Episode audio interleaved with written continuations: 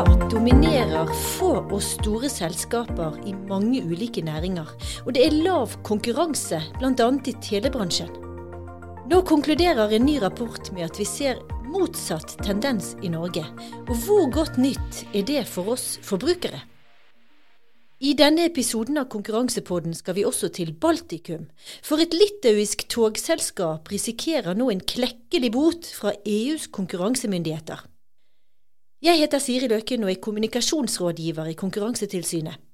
Med meg i studio har jeg konkurransedirektør Lars Sørgaard og sjeføkonom i Konkurransetilsynet Kurt Brekke. Velkommen. Takk for det. Aller først, Kurt. Eh, Menon Economics har laget eh, nylig en rapport på oppdrag fra oss i Konkurransetilsynet. Den handler om markedskonsentrasjon og lønnsomhet i norske næringer. Og Hva forteller rapporten om konkurransesituasjonen i Norge? Ja, Vi syns vi har fått en veldig interessant rapport fra Menon Economics. Eh, den har to veldig interessante funn. Eh, for det første så viser den at utviklingen i markedskonsentrasjon i norske næringer den har vært svart, svakt fallende de siste årene. Altså Det betyr at de store bedriftene ikke er blitt større, og at konkurranseforholdet faktisk har blitt noe bedre totalt sett i norsk økonomi. Um, så Det er det ene funnet. Og det andre funnet det er at fortjenesten til de norske foretakene har vært relativt stabil. Eh, det betyr at eh, de har eh, ikke kunnet økt sine marginer, tatt høyere priser totalt sett i, norsk, i, norsk, altså i norske markeder. Så man kan si at det er mangfold rett og slett i de fleste næringer? Ja, altså Det er jo stor variasjon fra, fra, fra marked til marked.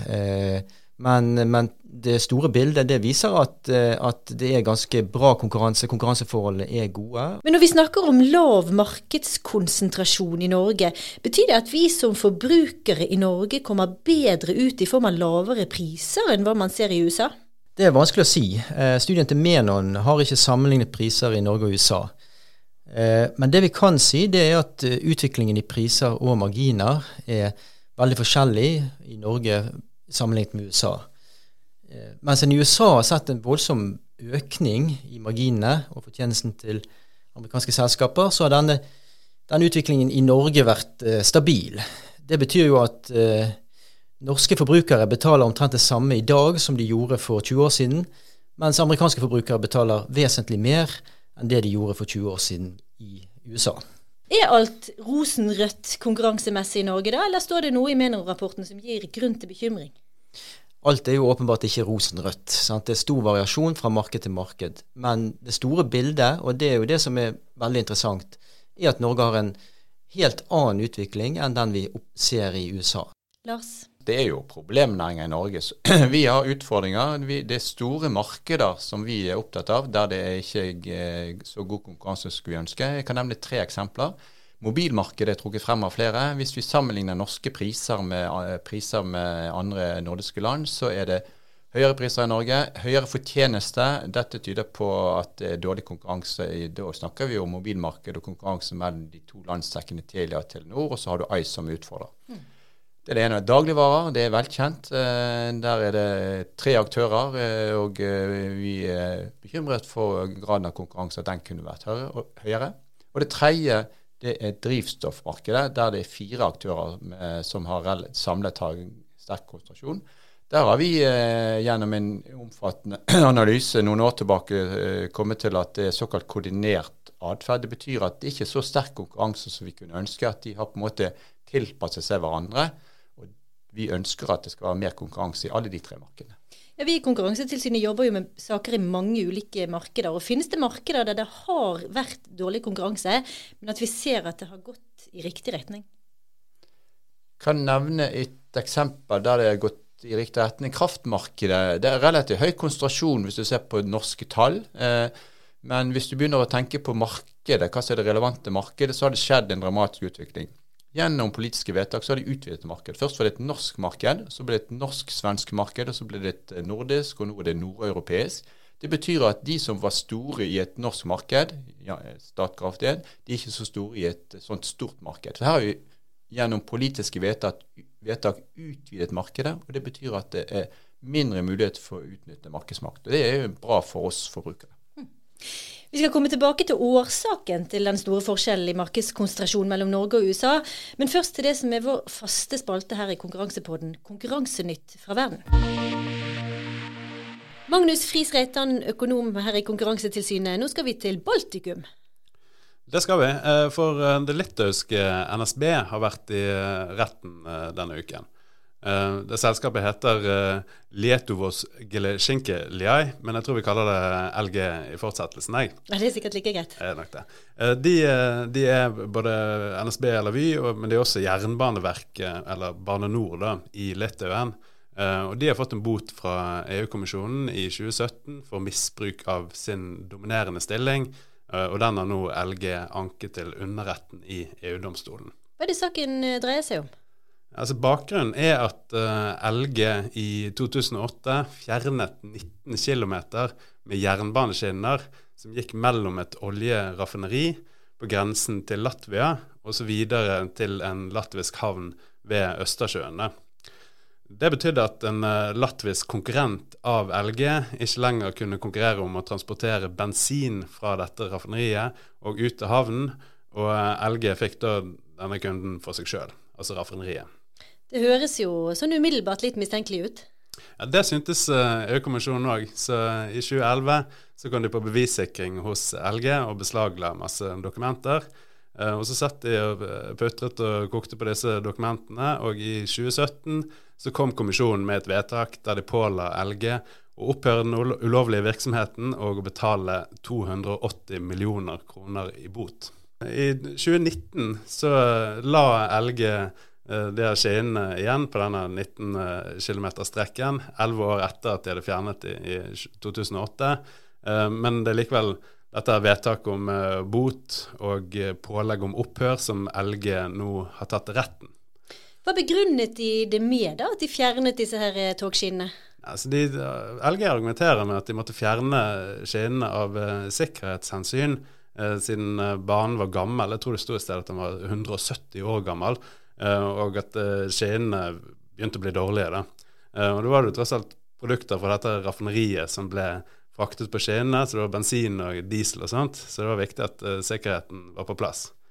Uh, kommisjonen tror ikke helt på dette argumentet om uh, sikkerhetshensyn, og bl.a. så viser det til at LG gjorde dette i høy og hast på tre uker, akkurat når oljeraffineriet holdt på å bytte leverandør av jernbanetjenester. så det er diskusjonen i retten, så får vi se hvem domstolen blir overbevist av. det.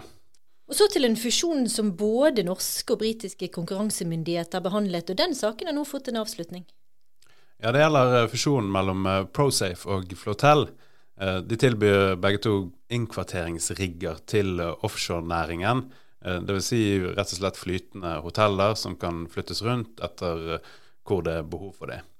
Eh, og De opererer i Nordsjøen på både norsk og uh, britisk sokkel. og Den saken har derfor vært behandlet både av britiske konkurransemyndigheter og av oss i Konkurransetilsynet. Vi i Konkurransetilsynet vi forbød den i oktober i høsten som var. og selskapene var, hadde gitt uttrykk for at de var veldig uenige i våre vurderinger, så de klaget saken til Konkurranseklagenemnda. Eh, og Det var for så vidt den første fusjonssaken som eh, den nemnden ville ha behandlet. Eh, og nå var den til vurdering. Hvordan har britiske konkurransemyndigheter vurdert saken? da? Jo, De varslet i månedsskiftet januar-februar at de eh, ville altså så for seg å stoppe eh, fusjonen fordi at de mente at de to selskapene var sine to hverandres nærmeste konkurrenter. Uh, de hadde gjort en grundig saksbehandling, snakket med kunder og konkurrenter og sett på interne dokumenter i selskapene osv. Uh, eh, men i forrige uke da, så var ståa at uh, vi i Norge ventet på Konkurranseklagenemnden. Og i Storbritannia så ventet man på at det britiske konkurransetilsynet skulle bestemme seg for om de skulle stoppe oppkjøpet eller f.eks. godta det med avhjelpende tiltak. Men så, da, på torsdag, så kom meldingen om at eh, de to selskapene dropper hele fusjonen. Eh, og Det betyr at britene avslutter saken sin, og at vårt vedtak blir stående. Takk for den oppdateringen, Magnus. Vi har hørt her i Konkurransepodden at det står ganske bra til med konkurransesituasjonen i norske næringer, med noen unntak. Det er lav markedskonsentrasjon i Norge, i motsetning til i USA, der få selskaper dominerer i mange ulike næringer, bl.a. telebransjen. Kurt, mange snakker om monopoltendenser i USA, men finnes det noen rene monopoler i USA?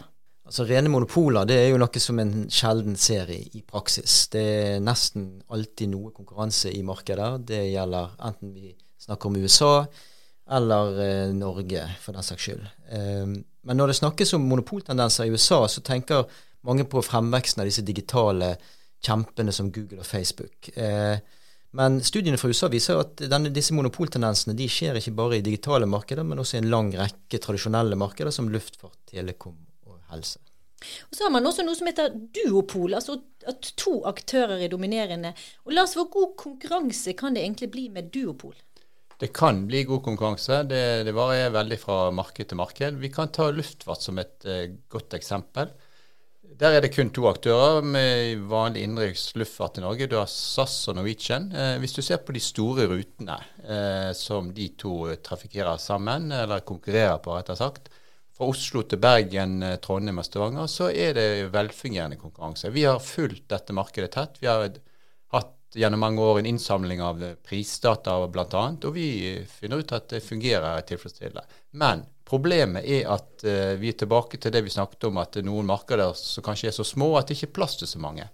Så du kan tenke deg en del uh, flyruter, bare plass til én. Da har vi tilbake til monopol. og vi ser tydelig at ved monopol så får vi høyere priser. Og så er det også noe som heter oligopol. Hva er det for noe? Oligopol, da går du fra at det er to bedrifter til et fåtall bedrifter. Så, så lenge du er ja, fra, to, fra tre opp til syv, åtte, ni, ti, så snakker vi ofte om oligopol. Altså Det kan fortsatt være et betydelig konkurranseproblem i et oligopol. Og det kan være et problem for oss brukere at vi betaler høyere pris enn vi burde betalt, og vi får dårligere produkter enn vi hadde ellers fått. Når vi snakker om få aktører, sier vi at det er høy konsentrasjon. Hvorfor er det et problem for oss forbrukere? Problemet oppstår når det er få aktører for såkalt markedsmakt. Det betyr at de er så store at de kan eh, påvirke prisen. Når de kan påvirke prisen, så kan det ofte bety en høy pris til oss brukere. Og de har heller ikke interesse av å lage nye, gode produkter, for da erstatter de bare seg sjøl. Så det, det, er et problem for oss ved at det da blir dyrere produkter, og det kan bli dårligere produkter. Hva slags eksempler har vi da på oligopoler, altså et marked med få aktører, i USA f.eks.? Det som er trukket frem nå i det siste, er jo ja, bl.a. at Thomas Philip Bones har skrevet bok om, om eh, konsentrasjon i USA. Det er nemlig to, to ting. Det er telemarkedet, og det er luftfartsmarkedet.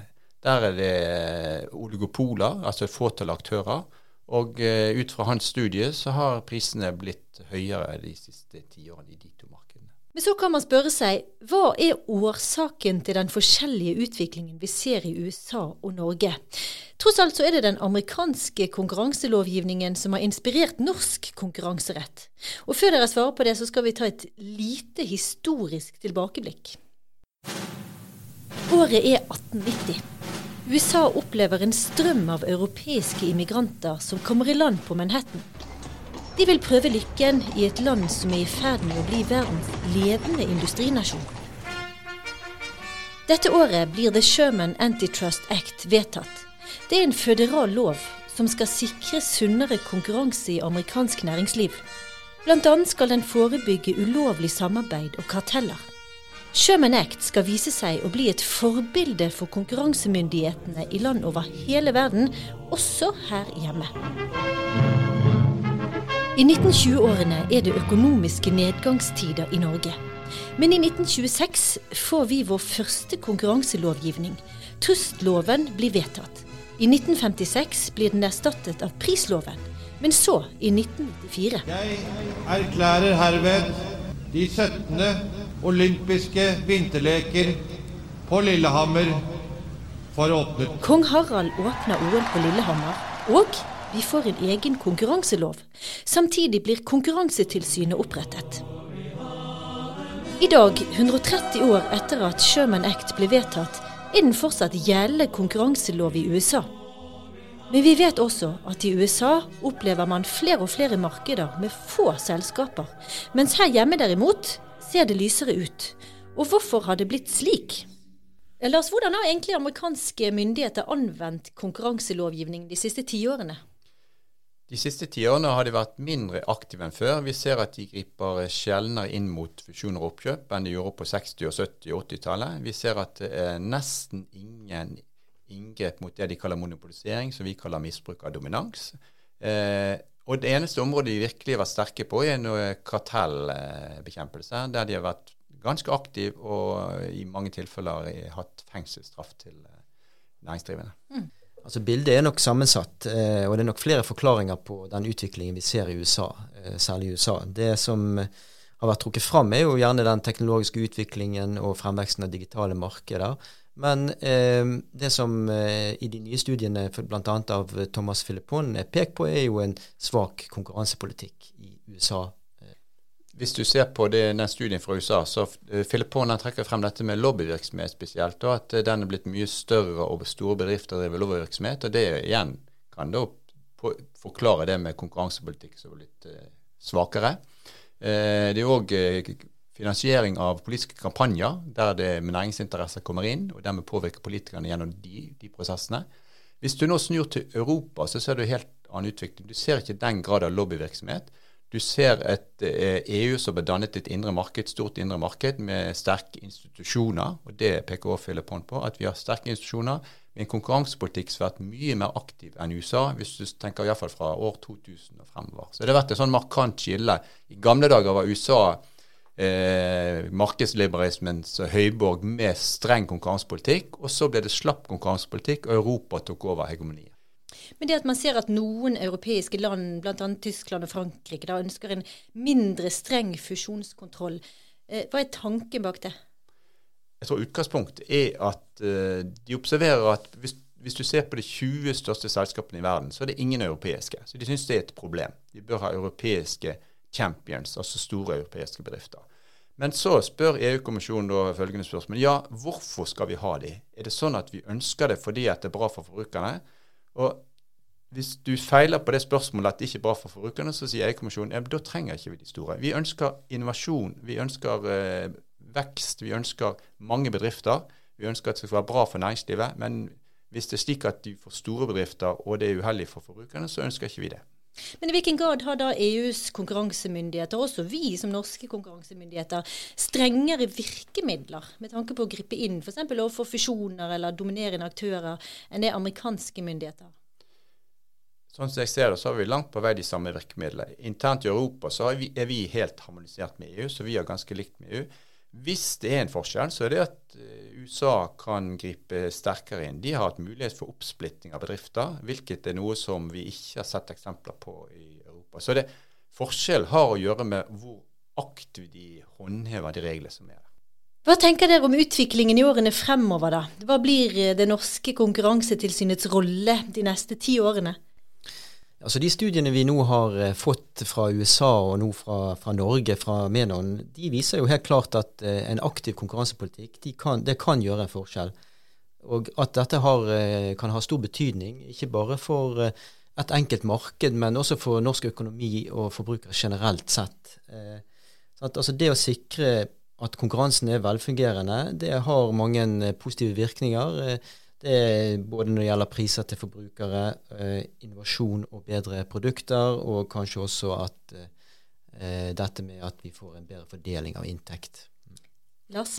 Jeg tror det er viktig at vi tenker bredde i vårt arbeid. Vi har, eh, I tilsynet så tenker vi at vi skal være aktive i mange markeder og mange typer saker. Da viser vi at eh, hvis bedriftene opptrer på en måte som eh, skader forbrukerne, enten er høyere priser eller dårlige produkter, uansett hvilken marked eller type atferd, så skal det være mulig å gripe inn og anvende konkurranseregler. Så det er viktig for oss. Men så tror jeg hvis du ser ti år frem i tid, så er det helt sikkert noen fåtall markeder vi vil være opptatt av fortsatt. altså dagligvare og mobilmarked og eh, drivstoff f.eks. er sikkert eh, problemmarkedet òg i fremtiden.